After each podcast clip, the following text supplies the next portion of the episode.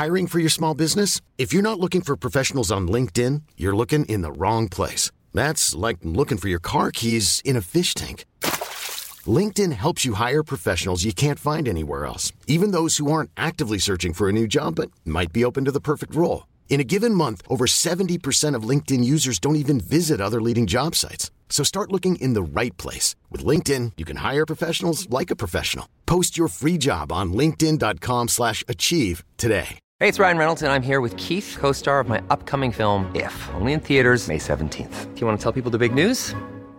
All right, I'll do it. Sign up now and you'll get unlimited for $15 a month in six months of Paramount Plus Essential Plan on us. Mintmobile.com slash switch. Upfront payment of $45 equivalent to $15 per month. Unlimited over 40 gigabytes per month. Face lower speeds. Videos at 480p. Active Mint customers by 531.24 get six months of Paramount Plus Essential Plan. Auto renews after six months. Offer ends May 31st, 2024. Separate Paramount Plus registration required. Terms and conditions apply if rated PG.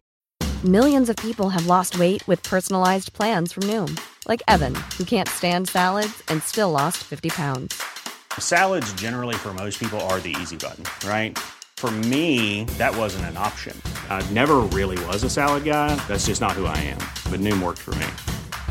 Get your personalized plan today at Noom.com. Real Noom user compensated to provide their story. In four weeks, the typical Noom user can expect to lose one to two pounds per week. Individual results may vary. Du presenteras nu för obekräftad information. I avsnittet får du höra om konspirationsteorier och varför vissa människor tror på dessa.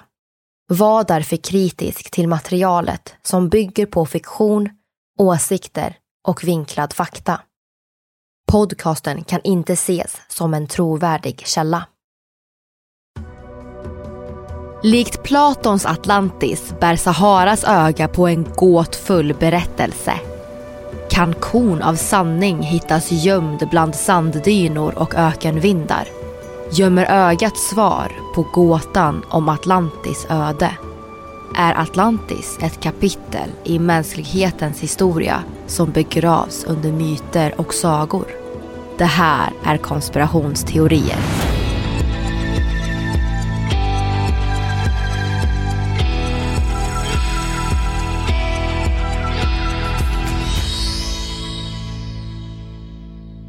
Hej allihopa och välkomna tillbaka till konspirationsteorier.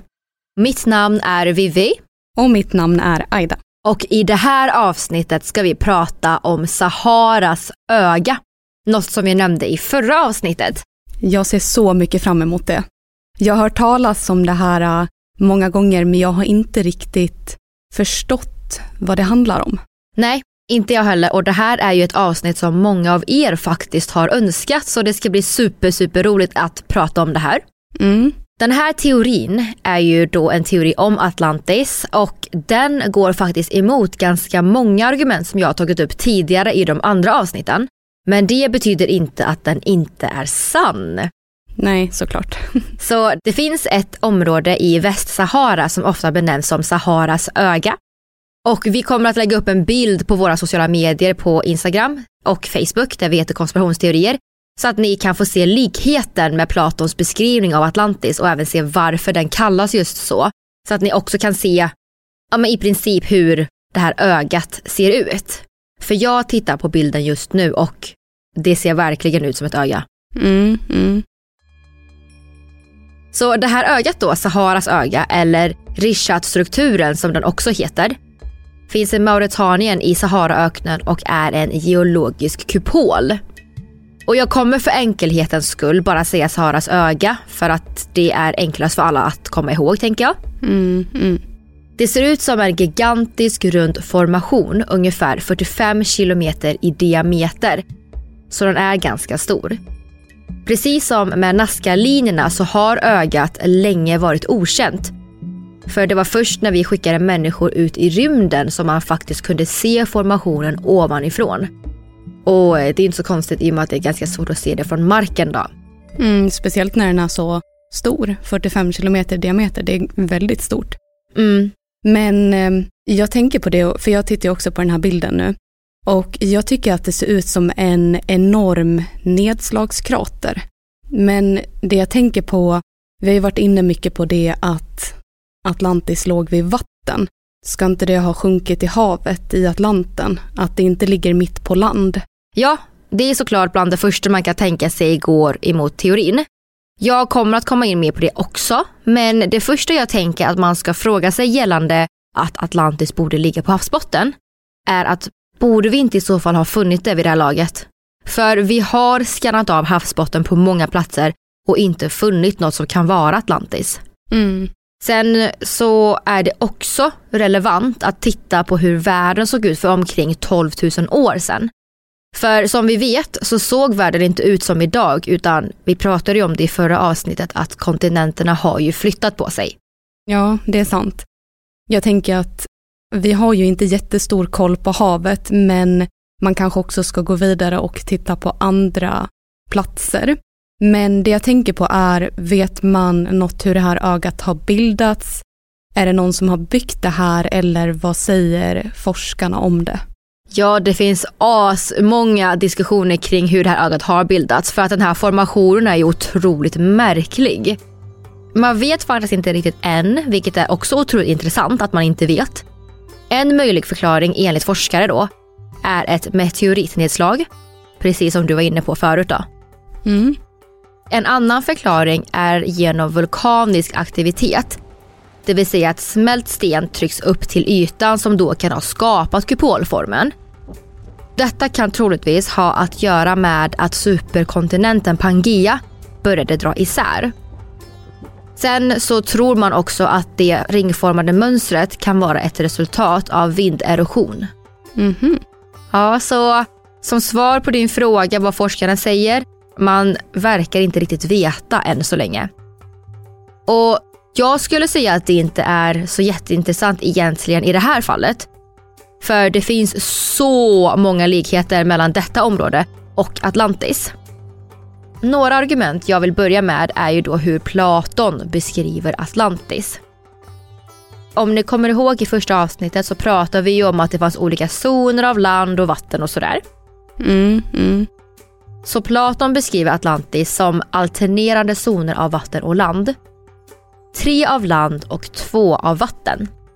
Och direkt när jag såg en bild på ögat så tänkte jag att det var Atlantis för det är lite så den ser ut. Ja, precis. Men man ser ju tydligt när man tittar på ringarna att den mittersta ringen skulle kunna vara där det här palatset var. Och sen är det ju en till ring där, det skulle kunna vara vatten och sen, ja, jag ser verkligen Atlantis i detta. Precis, det ser lite ut som att det har varit vatten där och det har varit någonting där som har skapat den här formen. Mm, Men eh, ja, det är i alla fall en teori. Men förutom det här med vatten och land och hur det ser ut så finns det också teorier om just Atlantis storlek.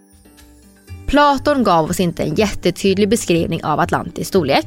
Men det vi vet är att en omgivande slätt var 3000 gånger 2000 stadier. Vilket ungefär är 200 000 kvadratkilometer stort. Vad det här betyder har vi då ingen aning om. Men som jag har berättat i vårt tidigare avsnitt om Atlantis så kan det ju vara saker som felaktiga måttenheter och översättningar som har bidragit till den här förvirringen och att vi inte vet så mycket och att det är väldigt mycket missförstånd.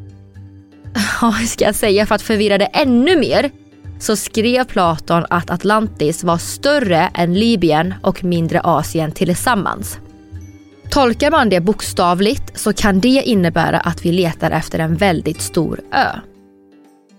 Det som blir superintressant här är att i det här fallet så är Saharas öga ungefär 45 kilometer i diameter. Och jag har sett en matematisk uträkning på det här då 3000 stadier är ungefär 78 000 fot, vilket är ungefär ögats diameter.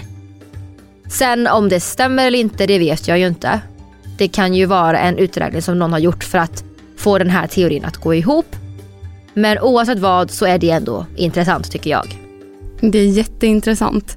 Sen är ju det egentligen bara slätten som är runt. Men eh, jag tänker att i det området där Saharas öga ligger så kanske det också fanns någonting mer som var själva Atlantis i så fall. Vi vet ju inte hur det såg ut förr då. Förutom då i Platons beskrivningar. Och som jag berättade i det förra avsnittet om Atlantis så fick Poseidon och Kleitos äldsta son namnet Atlas som sägs vara namngivare åt Atlanten. Och det sägs också att Atlantis ska ha varit skyddat av berg i norr. Och det skulle då kunna syfta på bergen i Nordvästafrika som intressant nog kallas för Atlasbergen. Absolut, jag köper helt det. Väldigt spännande att allt heter Atlas. Precis. Och om vi skulle säga att Saharas öga är Atlantis så kan man ju tänka så här, okej, okay, men har de hittat någonting i området då? Mm. Jag kan faktiskt ta upp lite saker som de har hittat. Och vi kan ju då börja med artefakter. Det påstås, jag vet inte hur sant det här är, så ta det här med en liten nypa salt och med källkritik i liksom bakhuvudet. Det påstås att det har hittills hittats otroligt många artefakter runt Saharas öga. Bland annat pilspetsar, man har hittat spjut, delar av fartyg och så vidare. Och man har faktiskt till och med hittat elefantben. Om ni kommer ihåg från våra förra avsnitt så beskrev Platon att det fanns väldigt många exotiska djur i Atlantis. Och när det gäller fynden så ska dessa vara så gamla som 12 000 år, vilket passar tidsramen för Atlantis och deras befolkning och allt det där. Och förutom artefakter så kommer ni ihåg att Atlantis ska ha varit byggt av svarta och vita och röda stenar. Och det är faktiskt någonting som man också har hittat i området runt Saharas öga. En intressant koppling är att man i Egypten i princip använder sig av samma färgkod det vill säga vit kalksten och röd och svart granit. Det jag tänker, inte för att det här egentligen har någonting med det här att göra, men jag tycker att det är väldigt fascinerande att det också är samma färger som elkablar. Framförallt så tycker jag att det blir väldigt spännande när vi inte är så säkra på pyramiderna. För det diskuteras ju också inom konspirationsteorier i alla fall att det här kanske är stora kraftstationer.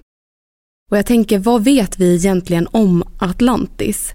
Kanske har de också elektricitet av något slag? Precis som i filmen, den här tecknade filmen Atlantis, så finns det tankar, de har ju kristaller, då finns tankar om kristaller och dess krafter. Och det här är ju inte någonting som man direkt kan bekräfta på samma sätt som annat vad gäller Platons berättelse.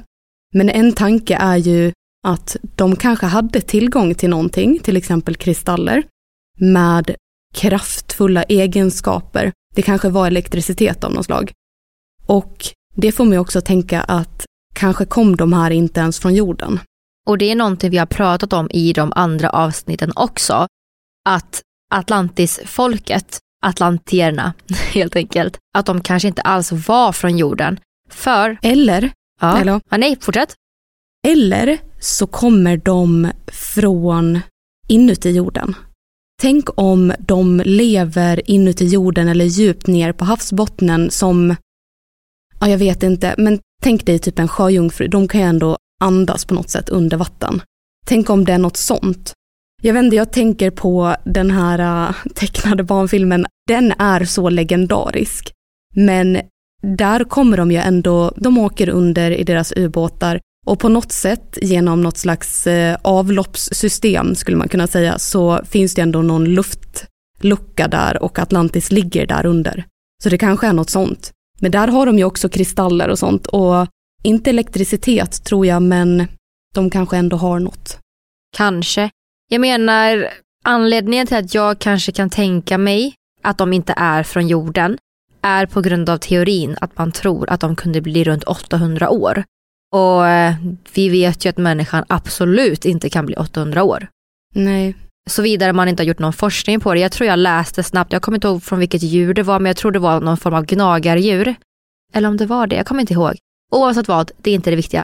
Det viktiga jag vill säga är att man har ju forskat på något djur som har någon form av gen eller vad det är i sig eller någonting, något DNA, jag vet inte, som skulle kunna göra att vi människor kan leva längre. Jag såg det faktiskt så tidigt som i morses. Men ja, det är inte det jag försöker säga. Ja, alltså de kanske inte ens är från jorden. Vi pratade ju om att de använde ett specifikt material som inte ens finns. Och Det är bara egenskaper som eh, inte låter som att de är invånare av jorden. Nej, precis. Inte den jord vi känner till i alla fall. Sen vet man ju inte, för det här är så länge sedan. Exakt.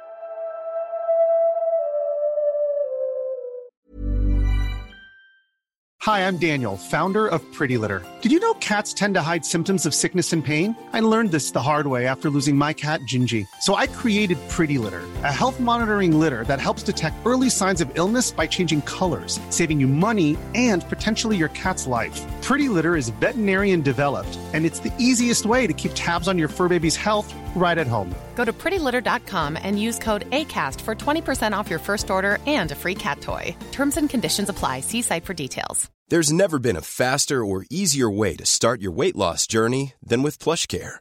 PlushCare accepts most insurance plans and gives you online access to board-certified physicians who can prescribe FDA-approved weight loss medications like Wigovi and Zepbound for those who qualify. Take charge of your health and speak with a board-certified physician about a weight loss plan that's right for you. Get started today at plushcare.com slash weight loss. That's plushcare.com slash weight loss. plushcare.com slash weight loss. Hey, it's Ryan Reynolds, and I'm here with Keith, co star of my upcoming film, If, only in theaters, May 17th. Do you want to tell people the big news? All right, I'll do it. Sign up now and you'll get unlimited for $15 a month in six months of Paramount Plus Essential Plan on us. Mintmobile.com slash switch. Upfront payment of $45 equivalent to $15 per month. Unlimited over 40 gigabytes per month. Face lower speeds. Videos at 480p. Active Mint customers by 531.24 get six months of Paramount Plus Essential Plan. Auto renews after six months. Offer ends May 31st, 2024. Separate Paramount Plus registration required. Terms and conditions apply if rated PG.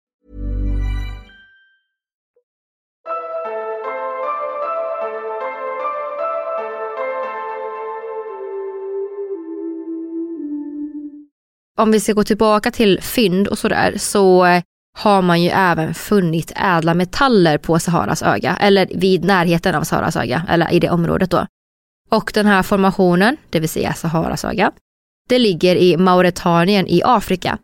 Och det finns gamla texter från slutet av 1800-talet som bekräftar att det fanns guld i Mauretanien som exporterades till Europa. Och kommer ni ihåg, Atlantis var ju typ bara byggt i guld nästan. De hade guldstatyer, gulddetaljer och sådär. Och ja, som vi vet från teorier och från Platon så ska det ha funnits otroligt mycket ädla stenar i Atlantis. Mm. Ja, det känns som att vi kommer ett steg närmare. Det finns, jag skulle nog säga hittills att det här uh, känns som den bästa teorin. Den känns mest rimlig. Ja, på ett sätt för att just nu har vi ju, jag skulle inte säga att vi har belägg, men man kanske kan tänka på det som belägg på att Atlantis kanske fanns på grund av de här grejerna man har hittat. Men å andra sidan så det är ju inte konstigt heller för att det kan ju ha funnits en annan civilisation som också tyckte om guld och hade spjutar och ja, du vet allt det där. Ja, jo det. Ja men spjut. Du fattar vad jag menar. Spjutar. Ja, jag fattar vad du menar. Det kan såklart vara någon annan, men om vi pratar just om Atlantis så det är väl typ denna eller att det skulle ligga vid Azorerna som jag känner mest tillit till av dessa teorier då. Mm. Och eh, med teorier så kommer det även mytologi. Mm. Så jag tänker att vi ska komma in lite på det. Och en intressant grej är att Atlantis kung Atlas är den som sägs vara namngivare till Atlanten. Inom grekisk mytologi så finns det en jätte som heter Atlas som var en slags föregångare till de grekiska gudarna. Efter ett nederlag i en fejd med de nya gudarna så fick han uppgiften att bära himlen på sina axlar. Under straffet bad han om hjälp att bli förstenad så han fick se Medusas avhuggna huvud och blev då förstenad. Och det sägs att det var så Atlasbergen skapades, det vill säga bergskedjan i nordvästra Afrika där det sägs att Atlas bär upp himlavalvet. Intressant. Mm. Men en annan intressant koppling på samma spår är att Atlas även gett namn åt kartboken. Denna Atlas var en relativt mystisk kung och astronom i Mauretanien. Och vad intressant att det är en person från samma ställe. Ja, så frågan är ju om det här är ett sammanträffande eller inte. Mm. Och jag tänker att vi fortsätter prata lite mer om kartor. Det är nämligen så att det finns en karta som kallas för Herodotos karta från runt 450 år före Kristus. Och jag vill inledningsvis säga att kartan är aningen mystisk. Så vi kan ju inte riktigt... Eh... Det är inte tillförlitlig fakta detta. Exakt. Historiker menar att det inte finns något som tyder på att han har ritat den själv. Och den verkar inte heller finnas i något original. Och när jag säger han så menar jag ju då personen som heter Herodotos. Det man kan göra är ju att ifrågasätta kartans ursprung. För som vi pratade om innan, den kanske inte alls har någon trovärdighet överhuvudtaget.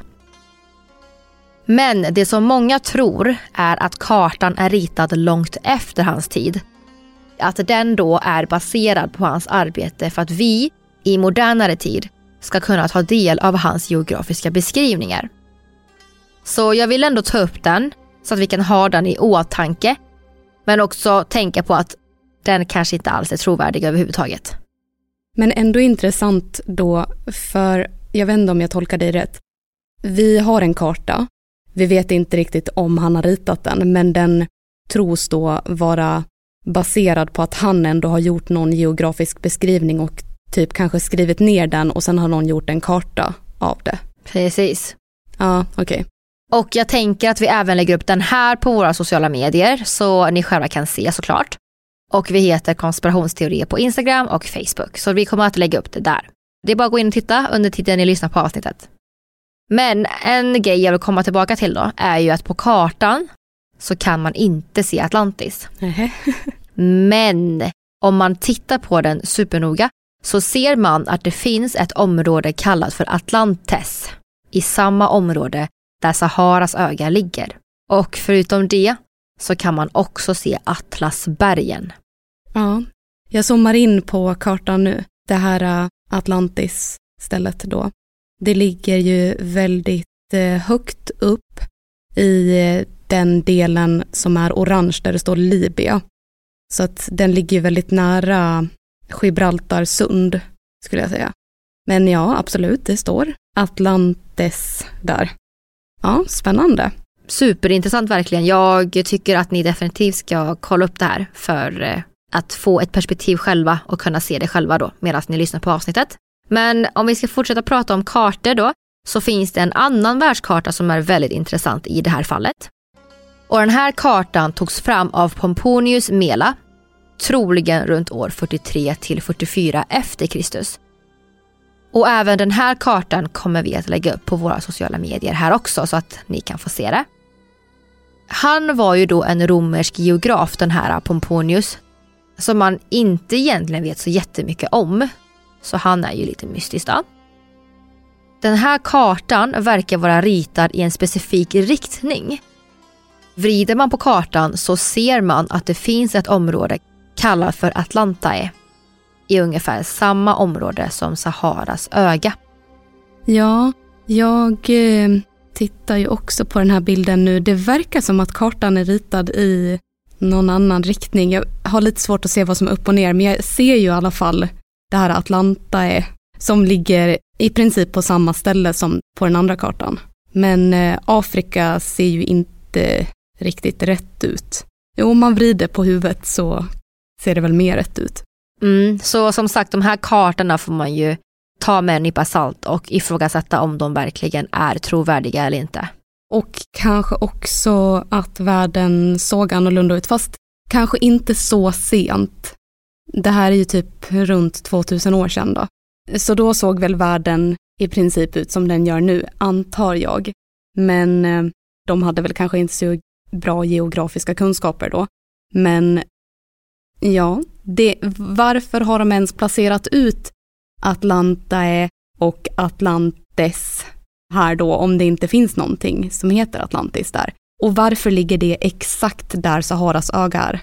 För den kallas ju också Rishat-strukturen, vilket inte är direkt likt Atlantis eller Atlantae eller Atlantes. Det är väldigt olika ord, tänker jag. Mm, jag instämmer. Och om du kollar på kartan så ser du såklart vatten. Mm. Och en annan sak som då är väldigt värd att poängtera är just det här med vatten. Och du var ju lite inne på det förut, det här med att men vadå, sjönk inte Atlantis? Det, var ju, det är ju en sjunken stad eller land under vatten. Och i så fall, hur kan det ligga i Afrika som då är mitt i öknen? Och det är ju, alltså jag fattar definitivt din tanke. Och först och främst så vill jag ta upp det här med Atlantis som en ö eller kontinent. Platon sa faktiskt aldrig att Atlantis var en kontinent, utan han använde det grekiska ordet för ö, det vill säga Nesos och Neson. Vad man då kan överväga är att detta ord har flera betydelser som halvö, udde, kust. Vad vi också ska komma ihåg, som jag sa i förra avsnittet, eller i det förra, jag kommer inte ihåg, men i de förra avsnitten, är att Platon hört berättelsen från Solon. Och då måste vi också gå tillbaka ännu längre i tiden. För den här berättelsen är ju som sagt genom sägnen, eller genom, vad säger man? Hörsägen ja. Ja, precis. Och vad man då kan spekulera i är att Nesos hade fem olika geografiska betydelser. Det kan vara en ö, en udde, en halvö, en kust eller ett land inom en kontinent som omges av sjöar och floder. Sen finns det även andra tolkningar att det bara kan syfta på ett land nära vatten. Nesos kan därmed också syfta på en udde eller halvö. Och likaså hade egyptierna en egen uppfattning om öar. I och med att det inte fanns några öar där så kan de egentligen ha beskrivit ett främmande land. Förutom det så används även hieroglyfen för ordet ö för sandstrand och kust. Och det verkar faktiskt som att de använt det för att beskriva platser bortom Nilen. Ja, och när man också tänker på hur Platon beskriver hur Atlantis gick under så säger han inte direkt att ön sjönk i havets djup. Han säger mer att Atlantis svaldes av havet och det betyder inte att det var en ö på havsbottnen. Så ja, väldigt intressant. Sen är det ju också en gammal historia, så man måste väl också räkna med att det blir fel i översättningen. Ord och dess betydelser förändras. Jag menar, gammelsvenska, det förstår vi inte. Eller jag förstår inte det i alla fall. Nej, inte jag heller. Det är lite annorlunda där. Mm. Så nej men jag håller med och det är flera gånger man har fått höra där historiker har tolkat någonting fel och sen behövt rätta till sig. Man har ju hört fall om det. Nu kommer inte jag på något spontant i huvudet men jag vet ju om att det har hänt för jag har ju hört det. Men ja, förutom det då så eh, tänker jag att vi fortsätter prata om Platon och Platon skrev ju då dialogen Kritias. Och det berättade jag ju i första avsnittet om Atlantis. Att eh, Platon påpekar i sina dialoger att den här berättelsen låter förunderlig men att den är sann. I Kritias skriver han dock något som är väldigt intressant, vilket i princip är att han har beskrivit stan och dess omgivning så gott som han kan, nästan med Solons ord. Och han strävar då nu efter att berätta om övriga delar. Och jag kan läsa en engelsk mening som jag har fått från det här. Och det står så här. I have described the city and the environs of the ancient palace nearly in the words of Solon. And now I must endeavor to represent the nature and arrangement of the rest of the land. Ja, jag tolkar det här som att Platon gör sitt bästa, men han har problem med att avkoda Solons anteckningar. Så han strävar efter och anstränger sig för att berätta om övriga delar. För det berättade du också i det första avsnittet, att eh, Solon levde 200 år före Platon själv. Precis. Så han har ju försökt göra det så nära sanningen som han har kunnat. Ja. Och nu ska han försöka beskriva resten av landet eller platsen eller ön eller kontinenten eller vad det nu är. Ja, och det tycker jag är lite intressant då, för det jag hade velat testa nu är att titta på en 200 år gammal svensk beskrivning av någonting och se hur lätt det är att skriva mer om den platsen utan att ha varit där själv och utan att kunna prata med den personen som skrev det. Jag tror inte att det skulle gå så jättebra. Eller så kanske det gör det. Ja, Vem vet? Det, ja. Det känns lite som att man i så fall behöver någon form av utbildning eller någon form av genomgång. ja, precis. Och det hade ju inte Platon, tänker jag. Exakt, det vet vi inte men vår teori är ju att han förmodligen inte har det. Nej, Och Platon kanske var medveten om att hans beskrivningar inte alls stämmer överens med verkligheten. mm. det är en väldigt intressant eh, sak att fundera på. För det vet vi ju inte heller. Han kanske målade ut det eller målade ner det. Ja, beroende på hur han har tolkat texten. Ja, Eller tolkat det som har skrivits ner, det som Solon har sagt då, från Solons anteckningar. ja och det kan vara en anledning till att vi inte hittar Atlantis. Kanske. Det skulle det nog kunna vara, ja. För jag tänker, då vet vi inte riktigt vad vi letar efter heller. Nej, det är som att leta efter en nål i en höstack. Ja, exakt. Men jag pratade ju också om att Kritias inte var fullbordad och att det i princip är ett mysterie i sig själv. För vem avslutar mitt i en mening? Ja, nej. Så det man kan tänka är ju att det finns fler sidor eller mer information från Solon. Och vem vet, Platon kanske inte hade tillgång till dem eller de kanske försvann, de kanske brann upp, vem vet, de kanske förstördes, jag har ingen aning. Men då kan man ju tänka, finns det något mer om Atlantis som vi inte vet? Nej, jag tänker att där finns det en stor möjlighet att det har funnits mer information. Kanske var det någon som tog dem. Kanske var det någon som brände ner någonting. Jag vet inte, alltså att någon inte ville att det skulle komma fram. För sen tänker jag också på, det har ju funnits mer information om forna civilisationer och ja, kunskap och sånt som har gått förlorat. Det finns ju bland annat det här biblioteket i Nineve som låg i Mesopotamien i nuvarande Irak då. Det brann ner och det innehöll texter, inskriptioner, lertavlor om antika världen. Och det har vi inte tillgång till nu såklart. Sen så finns det även ett bibliotek i Alexandria och det har också brunnit ner flera gånger till och med.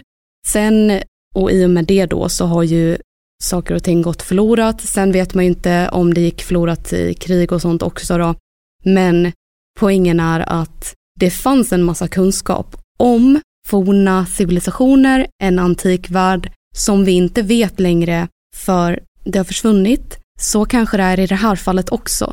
Vi vet ju inte så mycket om det då, men det kanske var en brand som ingen riktigt la märke till eller något. Ja, nej men det är så synd att så mycket information har försvunnit och som vi pratade om, antingen så kanske Platons text har försvunnit, den delen där det avslutas. Eller så kanske det var så att det var Solons anteckningar som tog slut eller att den delen försvann. Det vet vi inte. Exakt.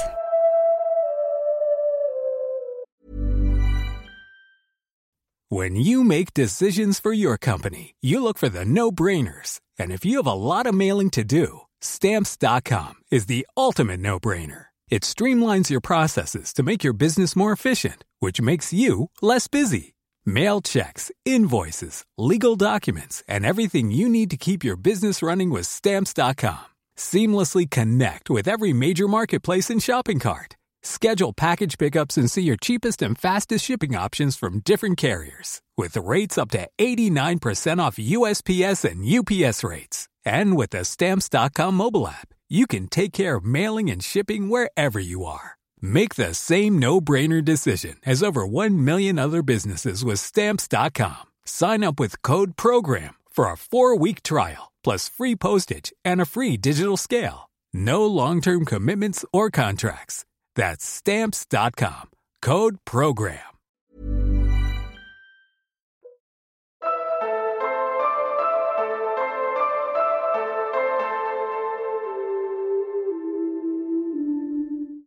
Men om vi ska prata om Platon igen, så skrev han också att havet öppnar upp sig i söder.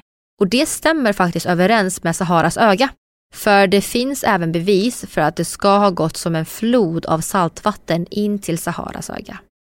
Man har även hittat stora vita fläckar i Saharaöknen som visat sig vara salt. Ja, då så kan ju det innebära att det har varit havsvatten där en gång i tiden då. Jajamän. Och som vi sa så har ju jordens kontinenter inte alltid legat där de gör idag. Så det är ju inget undantag i det här fallet heller. Nej, och det kan ju då överensstämma med att Saharas öga är Atlantis om det fanns vatten där då. Precis. Så superintressant. Ja. Vi vet också att det ska ha funnits floder runt om Atlantis som vi pratade om med ni vet, vatten och nivåer och allt det där. Och man har upptäckt att det fanns en stor flod i västra delen av öknen någonstans runt 11 700 och 5000 år sedan. Och den gick då från Atlasbergen ut i Atlanten och det är alltså i precis samma område. Mm, ja, väldigt intressant. Vad mycket som förändras också. Ja, ja, väldigt mycket. Och det som också är intressant är att det finns väldigt mycket som tyder på att stora mängder vatten har färdats över Saharaöknen från Medelhavet till Atlanten. Det här kan man se om man tittar på bilder över området och då menar jag satellitbilder från rymden. Mm. Det kan och har förklarats som vinderosion. Men det som är intressant är att om man följer linjen så är det också där som marknivån är som lägst. Så en annan förklaring är att det kan vara enorma mängder vatten. Jag eh, sitter ju och tittar på en bild här och vi kan ju dela dessa också på våra sociala medier så kan ni som lyssnar också se vilken linje det är som du pratar om. Mm, det blir mycket enklare för er att få en uppfattning också då.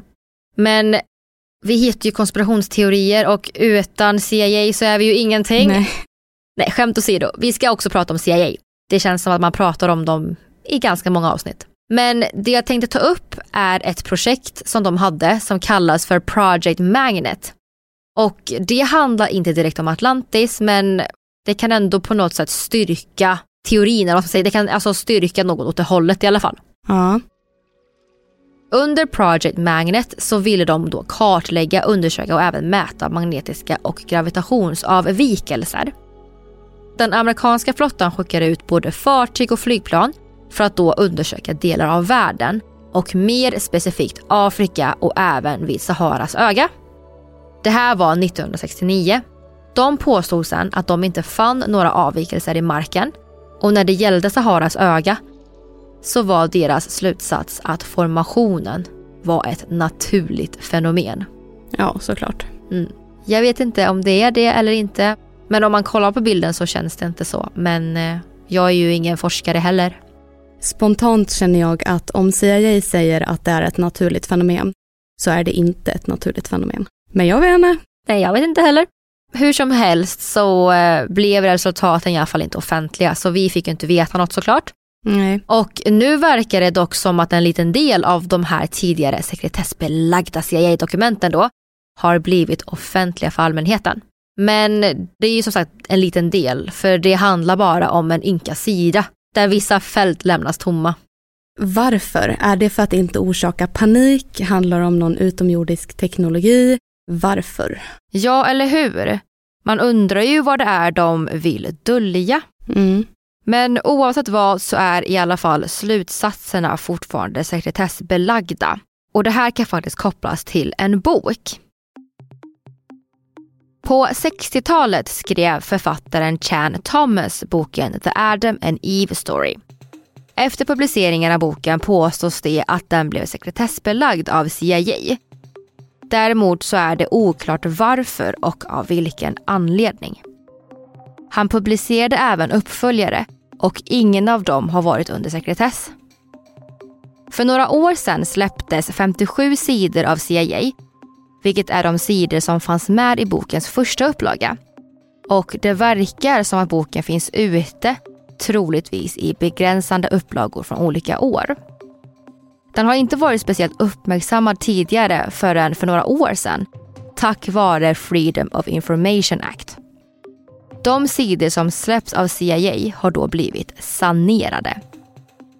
Det här har såklart väckt ett stort intresse för boken som publicerades för ungefär 60 år sedan. Dessa spekulationer har gett upphov till olika teorier och tolkningar och vissa menar att boken klassificerades för att CIA var intresserade av bokens innehåll eftersom att den innehöll information som kunde vara relevant för den nationella säkerheten.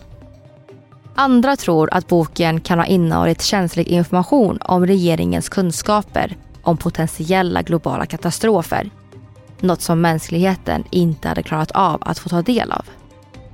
Idag är det i alla fall känt att det finns 57 av bokens 284 sidor tillgängliga. Att antalet sidor påstås vara 284 baseras på olika upplagor med olika antal sidor och kapitel som inkluderas. 57 av 284, det är jättelite egentligen. Det jag undrar är vad det är som är så himla hemligt och farligt med boken. Mm. Den här boken handlar om jordens historia och även undergång med fokus på ett katastrofalt polskifte. Det vill säga att jordens magnetiska poler kastas om och skiftar läge. Så nord blir syd och omvänt då. Och det är faktiskt någonting som har hänt i historien och lett till massdöd. Det är någonting som sker oregelbundet. Och något som också är intressant är att innan polskiften kunde bekräftas så sågs det såklart som pseudovetenskap. Ja, såklart.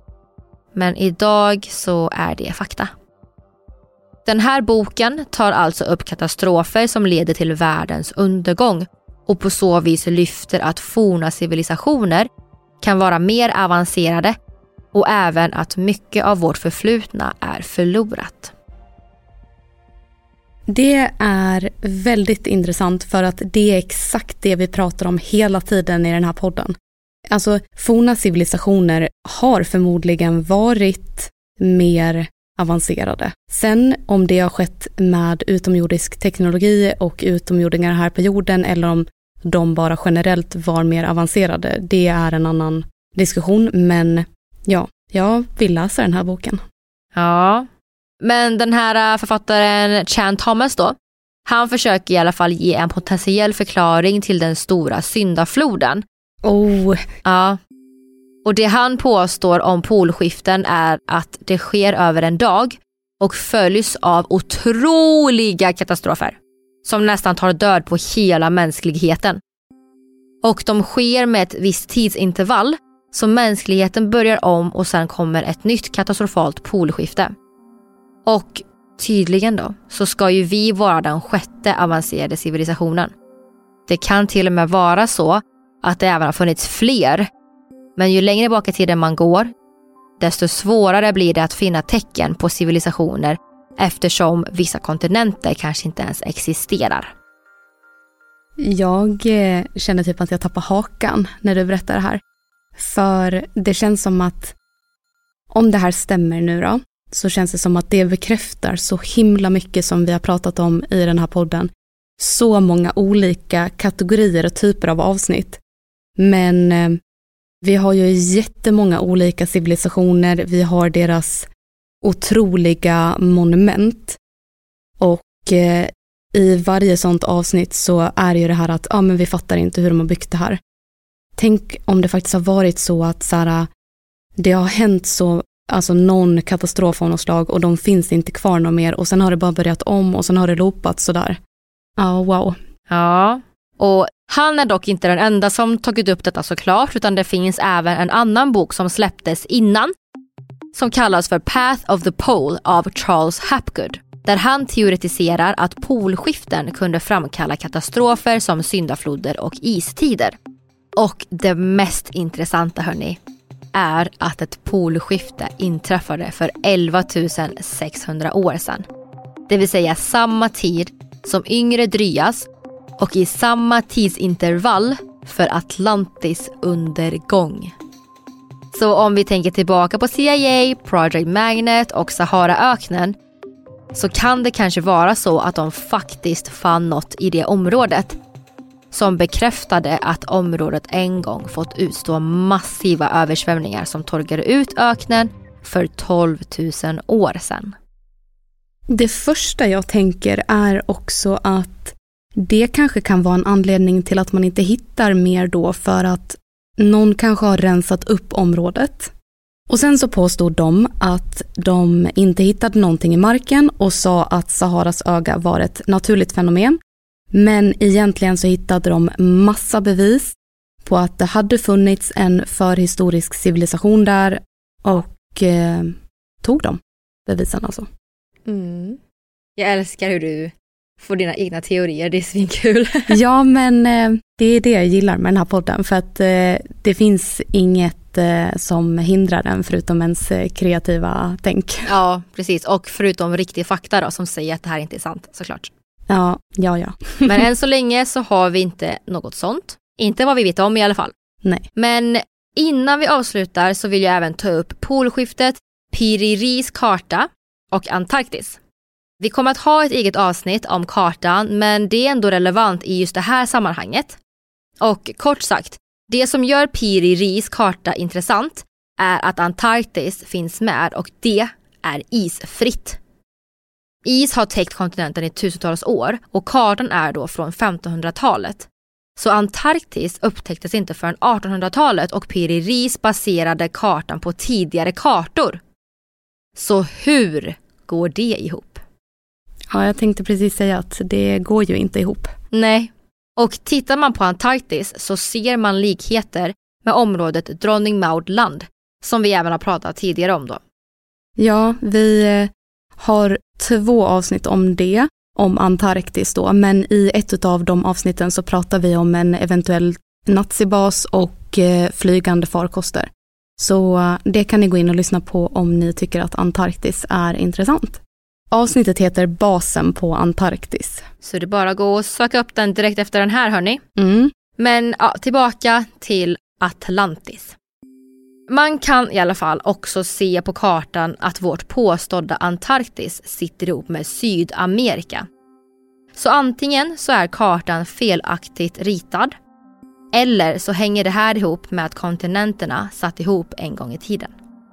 Teorin är att för ungefär 11 000 år sedan så inträffade ett polskifte där den magnetiska sydpolen förflyttades 15 grader. När det hände så följde den sydliga kontinenten med och det skulle alltså kunna vara så att Antarktis inte var helt täckt av is. Det öppnar då upp möjligheten att det fanns en förhistorisk civilisation där. Som vi vet så har Antarktis varit en varm tropisk plats med dalar, floder och sjöar. Rik på olika djurarter, det fanns täta lövskogar och ökenområden i vissa delar till och med.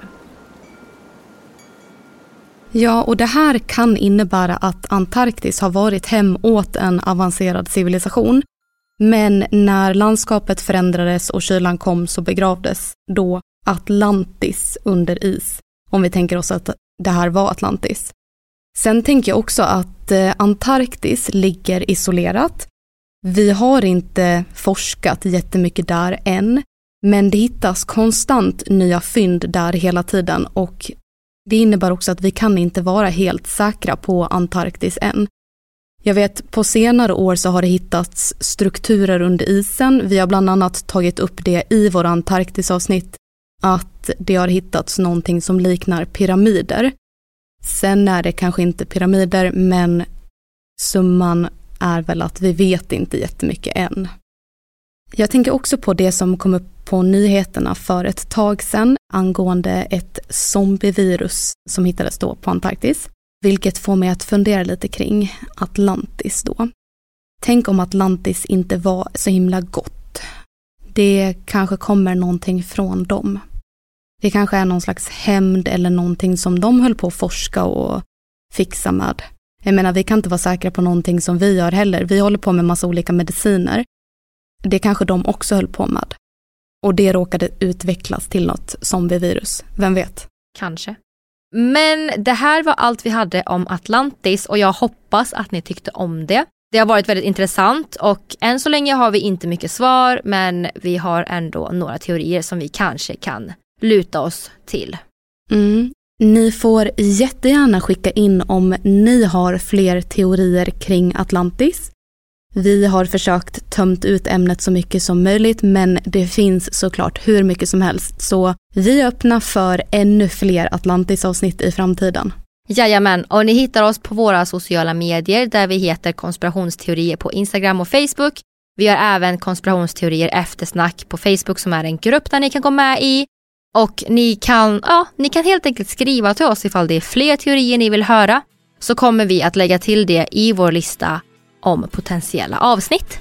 Mm, Men ha det så jättebra så hörs vi i nästa avsnitt. det gör vi. Hej då! Hej då!